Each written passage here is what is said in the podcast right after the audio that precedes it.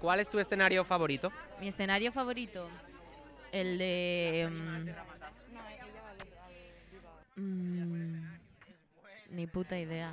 Lo de Joe y Joan, un podcast Senseoli de Palma.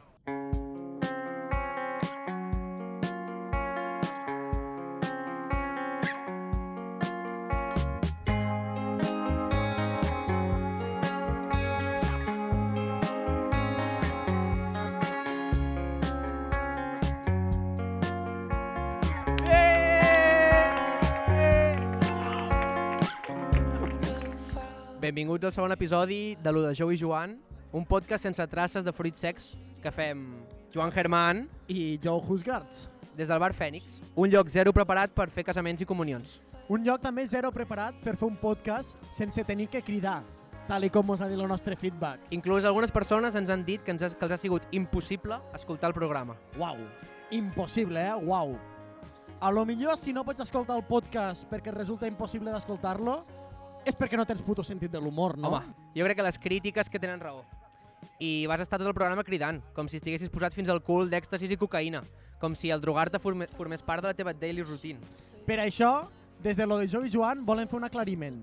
L'episodi anterior, l'episodi del Fènix, no va ser gravat sota els efectes de les drogues ni en Joe ni en Joan. Perquè tu també telita, eh, Jo per, company? jo per què? Collons, estaves tot el rato super tranquil, com si t'haguessis punxat eh, calmant de cavalls, tot el rato susurrant, com si lo de Joe i Joan fos una ASMR o algun tipus de podcast eròtic. Home, podcast eròtic potser ho deixem per més endavant. Però, parlant de CMR, l'altre dia em vaig escoltar un, boníssim, Què dius? d'una tia Què depilant-se dius? les cames amb un matxero. Ah! I, i, què dius? I què tal? Semblava que estigués fent crispetes, la veritat. També mos han dit, i això és, és heavy que mos hagin dit això, És molt, molt fort. també mos han dit que som com el podcast Under 35 del Liceu, Que és un podcast que fan en Marc Lassant i la Juliana Canet. a lo que vaig contestar jo que comparant en el nostre podcast, lo del Liceu deu ser molt més interessant, ja que parlen d'òpera, són culturetes, ja tu sabes. A lo que ens van respondre que el nostre era millor perquè nosaltres érem més sexis. No sabem si sexis se referia al podcast o a natros. Jo m'agradaria pensar que som nosaltres. Us jurem que este comentari dient no sexis no molt ha fet una persona de la 11, eh? Molt ha fet una persona en ulls reals. Persones reals però sense criteri, també t'ho dic.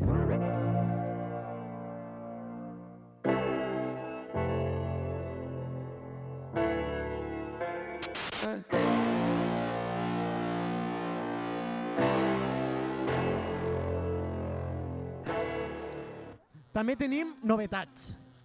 A part de fer un segon episodi 15 dies després del primer, que és tot un mèrit, Vull dir que, que siguéssim...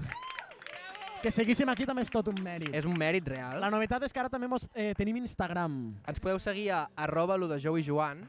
De moment tenim més seguidors a l'Instagram que no pas reproduccions del podcast de Spotify. O sigui que la meitat de la gent que ens segueix a Instagram no s'han escoltat el podcast, sou uns falsos. Però us estimem igual. A l'Instagram podeu veure dos tipus de contingut. El que fa gràcia i és divertit de veure i el que penja en Joan.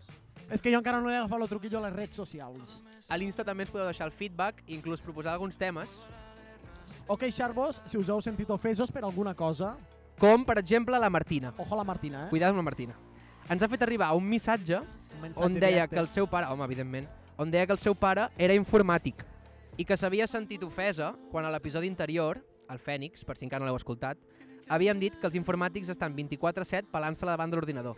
I des d'aquí, des de lo de Jo i Joan, volem demanar disculpes a Martina, perquè segurament son pare no, l'està- no se l'està pelant 24-7 davant de l'ordinador. Segurament també li agrada anar a pelar-se-la a un parc infantil a les 5 de la tarda quan els xiquets surten del col·le, entre los arbustos. Ho sentim, Martina, però el primer pas és acceptar-ho. I el segon denunciar-ho. Hem rebut també feedback de molta gent que no esperàvem i estem molt contents que tants amics i coneguts decidiu invertir 30 minuts del vostre dia a escoltar-nos i que, a més a més, us fessin passar una bona estona. Se l'escolta amb un cosí. Teu cosí, però el teu cosí és amic. Bueno, i se l'escolta molta gent. O sigui, no sabeu la, realment la il·lusió que mos fa que cada vegada que mos dieu que mos escolteu i que us agrada i que mos riu i tot. Jo, de fet, quan vaig caminant pel carrer i veig gent que està susurrant i me mira, penso, mira, este és Joan de lo de Joe i Joan, eh? Segurament no diuen això. Però també ens hem rebut feedback de gent que no esperàvem, com el pare de l'Anna Sanchís, o Sanchís, ningú té clar Ningú té clar. com es diu. De fet, Sanchis. jo tampoc puc parlar de la pronúncia dels cognoms, no sóc la persona més tampoc. indicada. Que lo que va dir son pare de Anna Sanchi Home, li va semblar un programa graciós fet per un català i un valencià. Bueno, quin remei. També hem rebut molt feedback dolent, com lo de mon pare, que no li ha agradat gens el programa. A més, lo zorro se'l va escoltar quan va sortir i hasta al cap de setmana i mitja que no mos han vist i que no l'he preguntat què t'has paregut, no m'ha dit res. M'ha dit que, que no li ha agradat gens, que la història d'Ariana era fluixa, que no sé què. Dic, però papa, tota la vida dient-me que s'ha de tenir un guió, que, que us heu d'escriure el que heu de parlar. I em diu, escolta, sí que s'ha de tenir un guió, però el guió ha de ser bo també. Home, però igual, ton pare estava buscant que el guió del podcast fos una mica una pel·lícula d'Almodóvar. Todo sobre mi madre. Però no has dit que ho deia ton pare, això. Però què cartes per... que- Deixa-ho anar. Per cert, mon pare, de, de lo tema dels calçotets, de lo tema dels calçotets que vaig parlar de Punto Blanco, que em vaig gastar un dineral, no sabia res i em va caure una bronca en 4 anys de retard. També ens han dit que la frase «puedo prometer y prometo» no és de Mariano Rajoy, com vam dir a l'episodi anterior, sinó que malauradament era d'Adolfo Suárez. Quina llàstima. I que Ariadne hagués pogut explicar 50 milions d'històries millor que la que va explicar. Que pixar-se en un passillo per Ariadne és un plan de cada dilluns. Les coses com siguin. Una vegada i tot això, comencem.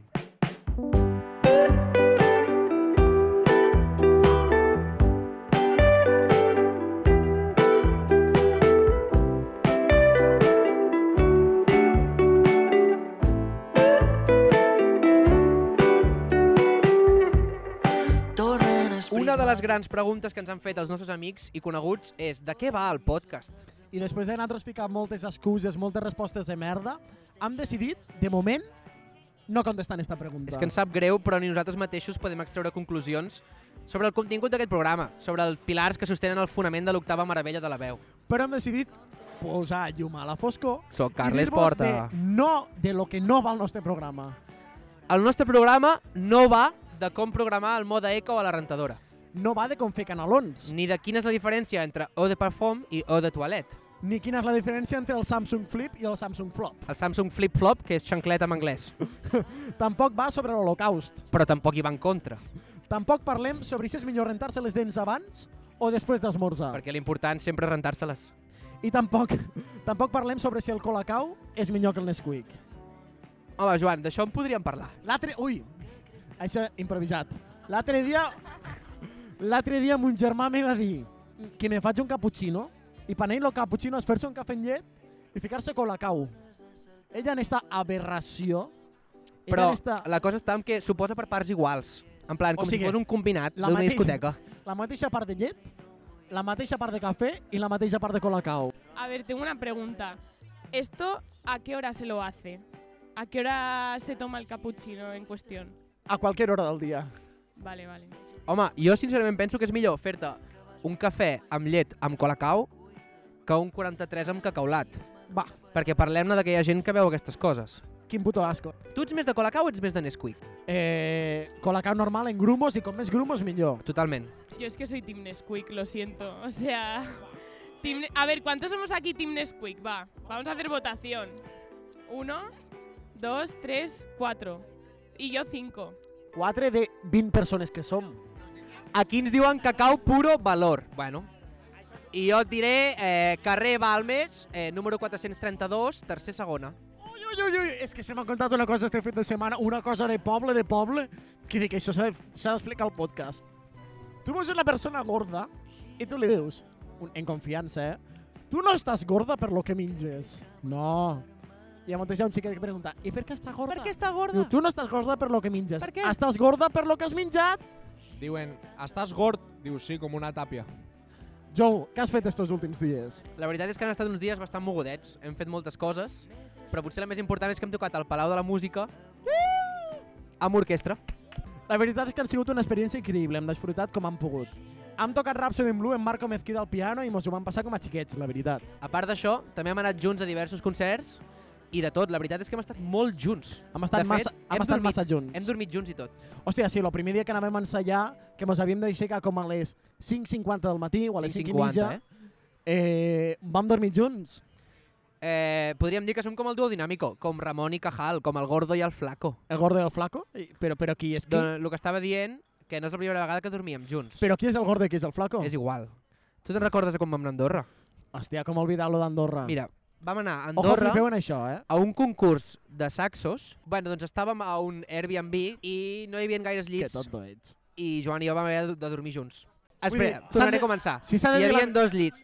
A veure, si, si s'explica Era no una, habita- s'explica era bé. una habitació, con, una habitación con vistas, con Virginia Woolf. I hi havia dos llits de, 90, de metro 90 i jo i jo vam dir full experience eh, couple, anem a dormir junts. Vam vam ajuntar ajuntar els els dos llits, vam treure la tauleta de nit. Vull dir, hi havia una tauleta separant los dos Eh, vam, horizontes, vam separar la tauleta, vam ajuntar els dos llits. al contrari que Moisés. Sí, que simplement els va separar. Total, en Joan té una mania abans d'anar a dormir, que com que no heu dormit amb ell no ho sabreu, No, no, no. però en Joan no pot adormir-se si no escolta un podcast. Jo si no estic escoltant a gent parlant-me a l'orella, no m'adormo. I el 90%, o almenys en aquella època el 100% del podcast que escoltava o que consumia era El Búnquer. No sé si el coneixeu, un programa que porta en Peyu i en Jair Domínguez i la Neusi, que per cert és veïna meva, És de... és de Sils. La cosa és que a Andorra no teníem wifi. Jo tenia uns, uns episodis descarregats. La cosa és que tots els dies se reproduïen els mateixos episodis en bucle. Jo no me n'enterava de res. En canvi, jo, Ara, Joan, es posa el podcast i hi ha l'opció a Spotify, per si no us agrada el nostre, per exemple, quan aneu a dormir, d'apagar en 10 minuts, o en 5 minuts, o en un minut. Joan aquesta opció no la coneix encara. Llavors, a què mi, no, feia? a mi no m'agrada. No, no li agrada. Llavors què feia? Es posava el podcast, però en Joan s'adorm en 5 minuts.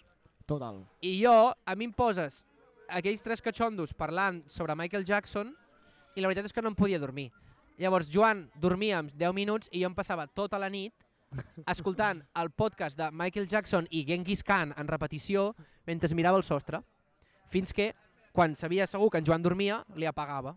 Ui, és que després hi ha un altre podcast que l'únic que fa és anar dient noms d'animal. Oh, que boníssim. dura dues hores i mitja. Boníssim. Dura dues hores i mitja. Jo, en ordre alfabètic, jo no passo de la B. No has passat mai de la B. Mai. Jo he arribat a la W. Jo he arribat a Wimbledon. Bueno, Wimbledon no és un animal, la veritat. és un torneig de tennis, però bueno.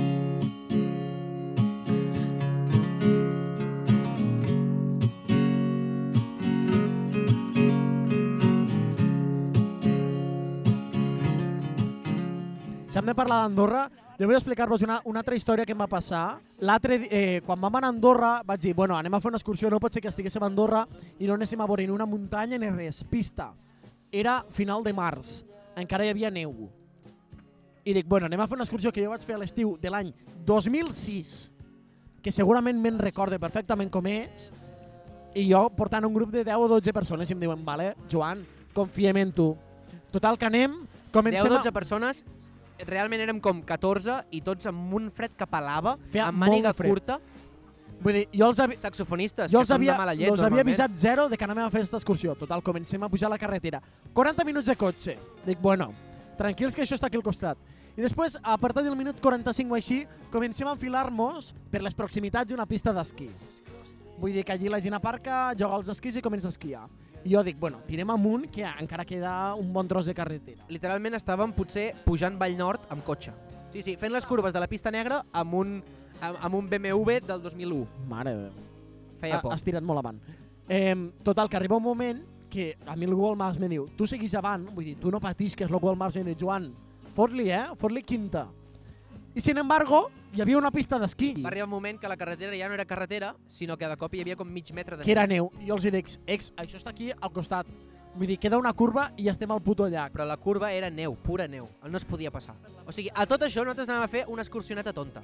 I mentre pujàvem, baixava gent amb raquetes, gent esquiant, que ens miraven amb una cara de què? perquè cara, anàvem, aquests anàvem, en, burros? anàvem en tejanos, anàvem, anàvem rastreros. Molt rastreros, amb I jo unes pensant- llobalans de roba, mare.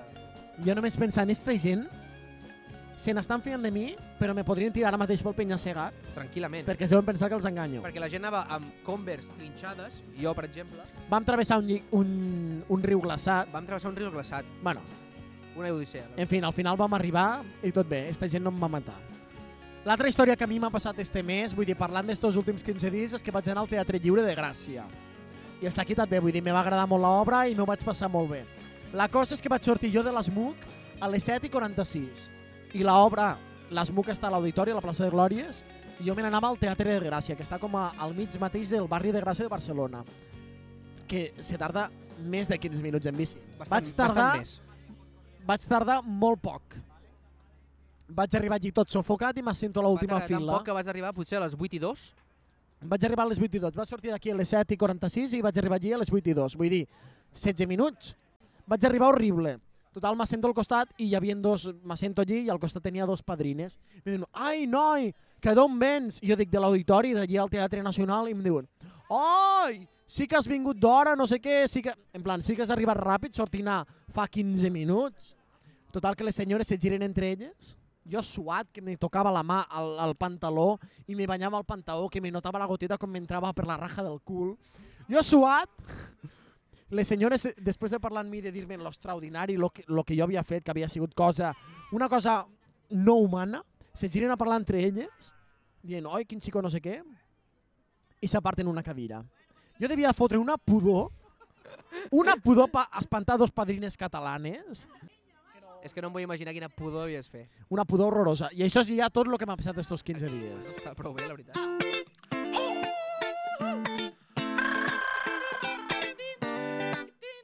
Un ratolí molt tronera que la rondava de nit. Imagina bocinera que no hi havia manera que es fiqués al llit. Fins que una rata pinyada, que era rondaire com ell, va venir que una vegada li va dir ben preocupada que hi deixaria la pell. Va dir... En realitat hi ha una cosa més que ha passat aquest mes. Una cosa bastant important. Ell, jo hi he aparegut en un somni de Neus, la nostra amiga de Berga del contrabaix. A veure, explica-ho bé, això. Pues jo estava allí al mercat de Berga, en concepte de venedor. Què vol dir concepte de venedor? En concepte de verdoler, de fruiter, de dealer... No, no, jo en concepte de, de venedor ja, vull dir, jo venia a coses, coses abstractes. Com un quadre de Joan Miró. Què, què, què? Acabes de fer una referència a un pintor ahir al jo dia abstracte? Benvinguts a lo de Jou i Joan i El Prado, un podcast sense traces d'aquarela, on les nostres seccions són Lo pare de Pollock, Picasso per Andorra i la motxilla del Decathlon de Monet. Al Prado no hi ha cap quadro d'estos. No passa res. Eh, som culturetes, a lo millor sí que sembla un podcast del Liceu, eh? Bueno, hem de fer una secció una mica més sèria. Sa sabem que gran part de l'èxit d'este programa, d'este podcast, èxit, Èxit, perquè té un èxit, uita. se reduï... L'altre dia érem 6 persones i avui podem ser unes 11, eh? Un Som aplaudiment molt per bé, eh? vosaltres. Molt bé, sou uns cracs. Lo que més us agrada en este programa són les nostres brillants seccions. I Després avui... de lo de, pare, de lo pare de Jou, Secció brillant. de Carlón, Secció... Buah, i secció Jou i naca. Joan per Andorra, Increïble. Avui, amb tots vosaltres... arriba. ¡Eh, Eh, campeón! campeón, Este este artículo artículo es un mojón. I és, que... I és que avui us volem obrir les portes del costat més fosc de l'internet, Allà on res és el que sembla. on res és el que sembla perquè sovint és tot mentida. Una pàgina que tots visiteu, però que mai accepteu que visiteu. La Wikipedia. Avui us portem un article de la Wikipedia que no sabem si creem que no ens agradaria que aquest article estigués a la Wikipedia o mos encanta que estigui a la La veritat és Wikipedia. que som dues persones molt indecises. Molt, molt, molt L'article- indecisos. Es titula Pelusilla de l'ombligo. La palambrera del malic en català. Anem a llegir-vos És una que part esta- d'aquest esta- grandíssim article. Esta, esta part del podcast no té gràcia. És, Vull és, dir, eh, no, no, no, no, és- no. no. Bueno, aquesta, aquesta de, mo- de, avui de moment cap. Però, avu- però... Però no, que no, que no, que no. Aquesta part serà llegit tal qual el que fica a la Wikipedia. De veritat que no estem canviant ni una sola paraula, eh? Això és real. La pelusilla del ombligo, también llamada borra del ombligo o borrita del ombligo, es la acumulación de fibras sueltas en el ombligo.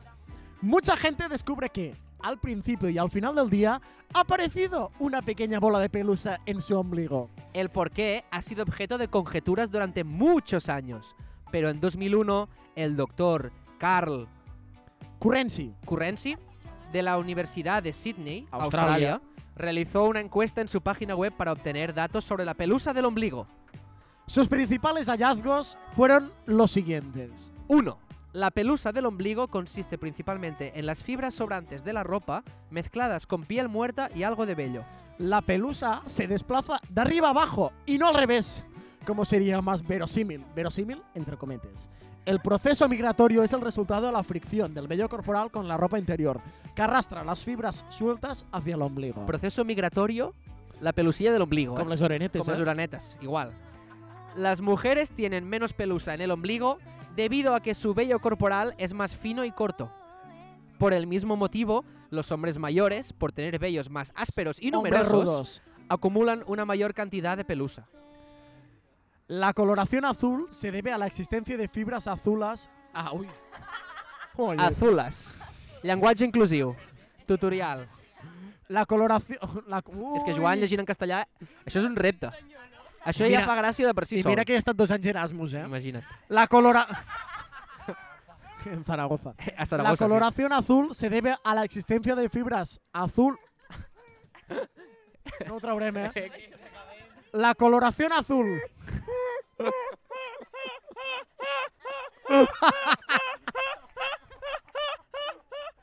ja estem, sí. ja Avui al estem. zoològic de Barcelona tenim a la nova foca.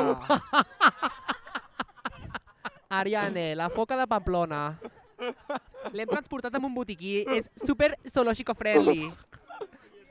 Jo ho fem de xarra. Som un zoològic bio. Bueno, la coloración azul se debe a la existencia de fibras azules en la mayor parte de las prendas de vestir. Aquí automàticament estan assumint... Això és un matís meu, eh? No ho posa a la Viquipèdia. Això no ho fica. Automàticament Perquè està estan en català. assumint que la majoria de gent vesteix de blau. Y aquí os volví, bueno, os llegim. La existencia de pelosilla en el ombligo no reviste ningún peligro para la salud. Per si estàveu patint, eh, marranos. La dedicación del doctor Currensis. Currensis para resolver este misterio le valió una recompensa en 2002 cuando recibió el Premio Nobel de la Investigación Interdisciplinaria. Un premi Nobel, Un Nobel, donat eh? a una persona per investigar la pelusilla de l'ombligo. Espejo diu, aplaudim, aplaudim. Aplaudiu, Sí, aplaudim. aplaudiu, podeu aplaudir. Vaya crack. Vaya crac.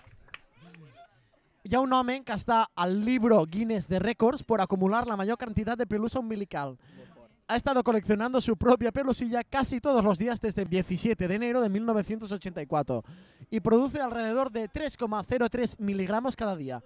Al contrario de lo que dice el estudio del doctor Currensis, su pelusa tiene un tono más bien rojizo, a pesar de que no suele llevar eh, ropa roja. Increíble.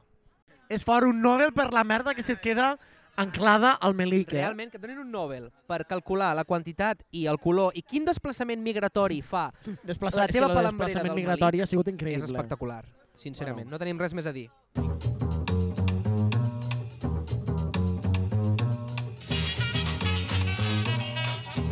Don't sweat the technique.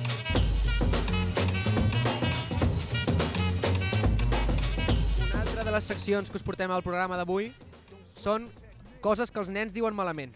Aquesta, aquesta secció realment ve inspirada, la secció de la- coses que els nens diuen malament, ve inspirada per, per una història. Saps, jo aquest estiu he tingut el plaer immens de treballar amb un Immensíssim. casal d'anglès. Uau. Kids and Us. Let's have fun every day. I, home, teníem cançons i tot. Que teníeu cançó? I tant. I, i balls. Era un- M'he fet un tiktoker. Jo aquest estiu havia de ballar cançons de vikingos amb els nens Pa, pa, pa, para, We are para, the para. Vikings. Uh, ah. Bueno, no puc dir res, que igual Kids and Us sí que ho censura perquè tenen una política de copyright Ah, sí? molt bèstia. Havíem d'anar, nosaltres, a escriure a mà perquè no ens podien passar fotocòpies del material preparat per si algú ho, de- ho penjava a internet. Què diu? Eren així de heavy. Bueno, Per si pensaves una història, no? no? sí, sí, aquesta no és la qüestió. La qüestió és que, treballant en aquest casal, hi havia un nen que es deia Quirze, com Sant Quirze. Del 15. Vallès. Q-U-I-R-Z-E, E, Quirze. En castellà és Quirico. Quirico. Quirico. En català, Quirze. Estrujo. Total, els nens, partint de la base de que el nom és un nom català, no és un nom anglès, els nens no sabien dir Quirze. I què deien els nens? Pizza. Li deien pizza. A un xiquet que es deia Quirze li Aquest diuen nen que es deia pizza. Quirze, el pobret li anava dient Pizza, vols venir a jugar? Pizza. En pobre Quirze ens venia Teacher, m'estan dient pizza. Però t'ho diuen en anglès? Sí, no, no, no. Teacher, they are calling me. Pizza. No, no. La veritat és que va ser molt difícil explicar-los als nens que aquest noi no es deia pizza, sinó que es deia Quirze. Que fort. I el noi realment va venir la seva mare i tot, el nen plorant, de que s'estaven enrient d'ell perquè es deia pizza.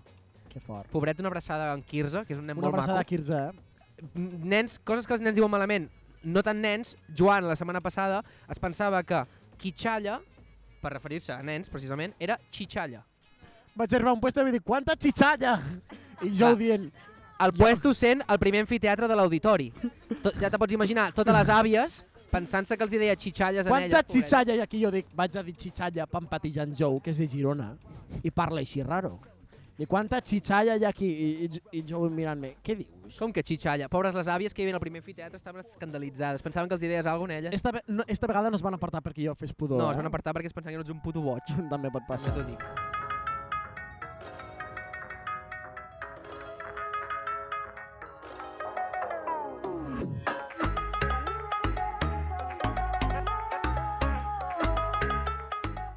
Avui a la secció de El convidat, Joan, digue'm un número. Dos. Neus, t'ha tocat.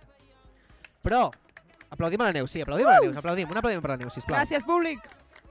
Neus, l'Ariane li vam obligar a parlar en català. A tu t'obligarem a parlar en castellà. Hostia, es que yo después del 12 de octubre estoy un poco tocadilla, os lo tengo que decir. Wow. Vi una bandera, vi dos es- banderas de España y tengo un poco de, Si vols, fes, fes de pell de presenta- gallina. Presenta't en 10 segons, però presenta't en castellà. Vale, haré el esfuerzo, ¿eh? Pero porque estoy vacunada. Em, Parlem-ne que és el millor xiste que ha sonat avui, eh? yo soy... locos! Presenta't en 10 segons. en la lengua de la patria, ¿eh? Yo soy la Neus Camps, en castellano Nieves Campos. y soy muy catalana, tú. No cal més, no cal més, no cal més. No pot ser que hagi vingut Neus Camps i que ha fet el millor xiste de la nit.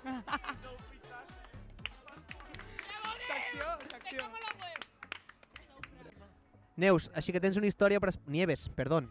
Pero la Así tengo que que contar en Eh, tienes castellano. una historia que contarnos, ¿no? En castellano, Sí, vale, sí, pues evidentment. os lo voy a contar. A ver, mi madre es de estas tietas... mm, tietas, tietas... Com es diu tietes en castellà? Titas! Ah, es de esas... Com Tías es del- diu... Perdona, com es diu tietes en castellà? Mi madre es una de estas que llaman tías del procedimiento, que tiene lazos que regala lazos amarillos por la calle. Procedimiento que no proceso. Procedimiento. Y nada, que yo vivo con personas pues del extranjero para mi casa, que yo vivo de Erasmus permanente porque son de Pamplona, ¿vale? Y yo soy de Berga, que hago de Dive- Berga. Y nada, mi madre vino al piso el otro día. Y El bueno, otro día... el otro día vino al piso y nada, hay una broma que, bueno, yo siempre pregunto, ¿cómo es diu tal cosa en català y acaba siendo una paraula No, no, no, no, no, no, no. en castellà? Pip, censurem-ho. Com ho has dit, això? Jo sempre pregunto... No, com no, es no, no, diu? no, no, no. Com ho has dit, això? Sempre pregunto, perdó, traves. Lo que ha fet la inversió lingüística, eh? A la La Colau LOMCE tens no raó. funciona, nice. Siempre pregunto, ¿cómo se dice, y por ejemplo, patata en castellà? I me dicen, patata, i jo, ah, patata, doncs això. Doncs va venir la meva Pues mare, eso. pues eso, vino mi madre al piso y le estaban contando esta historia. Y mi compañera de piso, Ariane de Pamplona, Eh, pues dijo... Eh, La de la història de mierda de la setmana passada Exacto. que se me daban un puto pasillo. tengo mejores, pero me pilló un poco nerviosa, ¿vale? Bueno, pues le contaron, una vez Neus preguntó, ¿cómo se dice panoli en castellano? Y me dijeron, obviamente, panoli. Y yo, ah, panoli. Pero salta mi madre y dice, ¿pero qué es panoli? ¿Pamboli? Pan con aceite. Y nada, hasta aquí la historia de la catalana del día. La catalanada d'avui.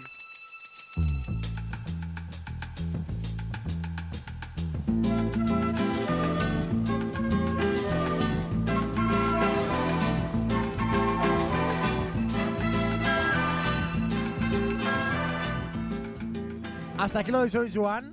Esperem tornar en 15 dies, No hem fallat? No crec que ho fallem. però Com era allò? Allò el que li va dir el tio de Spider-Man a Spider-Man, li va dir un gran poder conlleva una gran responsabilitat. Moltes gràcies a tots per escoltar-nos, per venir. Vos podeu seguir a l'Instagram, a l'Spotify, a tot arreu. Gràcies. Guardo amor, juegos y penas yo, que en la piel tengo el sabor amargo del llanto eterno. Que han vertido en ti cien pueblos de Algeciras a Estambul para que pintes de azul sus largas noches de invierno. A fuerza de desventuras, tu alma es profunda y oscura. A tus atardeceres rojos se acostumbraron mis ojos como el recodo al camino. Soy cantor, soy embustero, me gusta el juego y el vino, tengo alma de marinero. ¿Qué le voy a hacer si yo nací en el Mediterráneo? Nací en el Mediterráneo.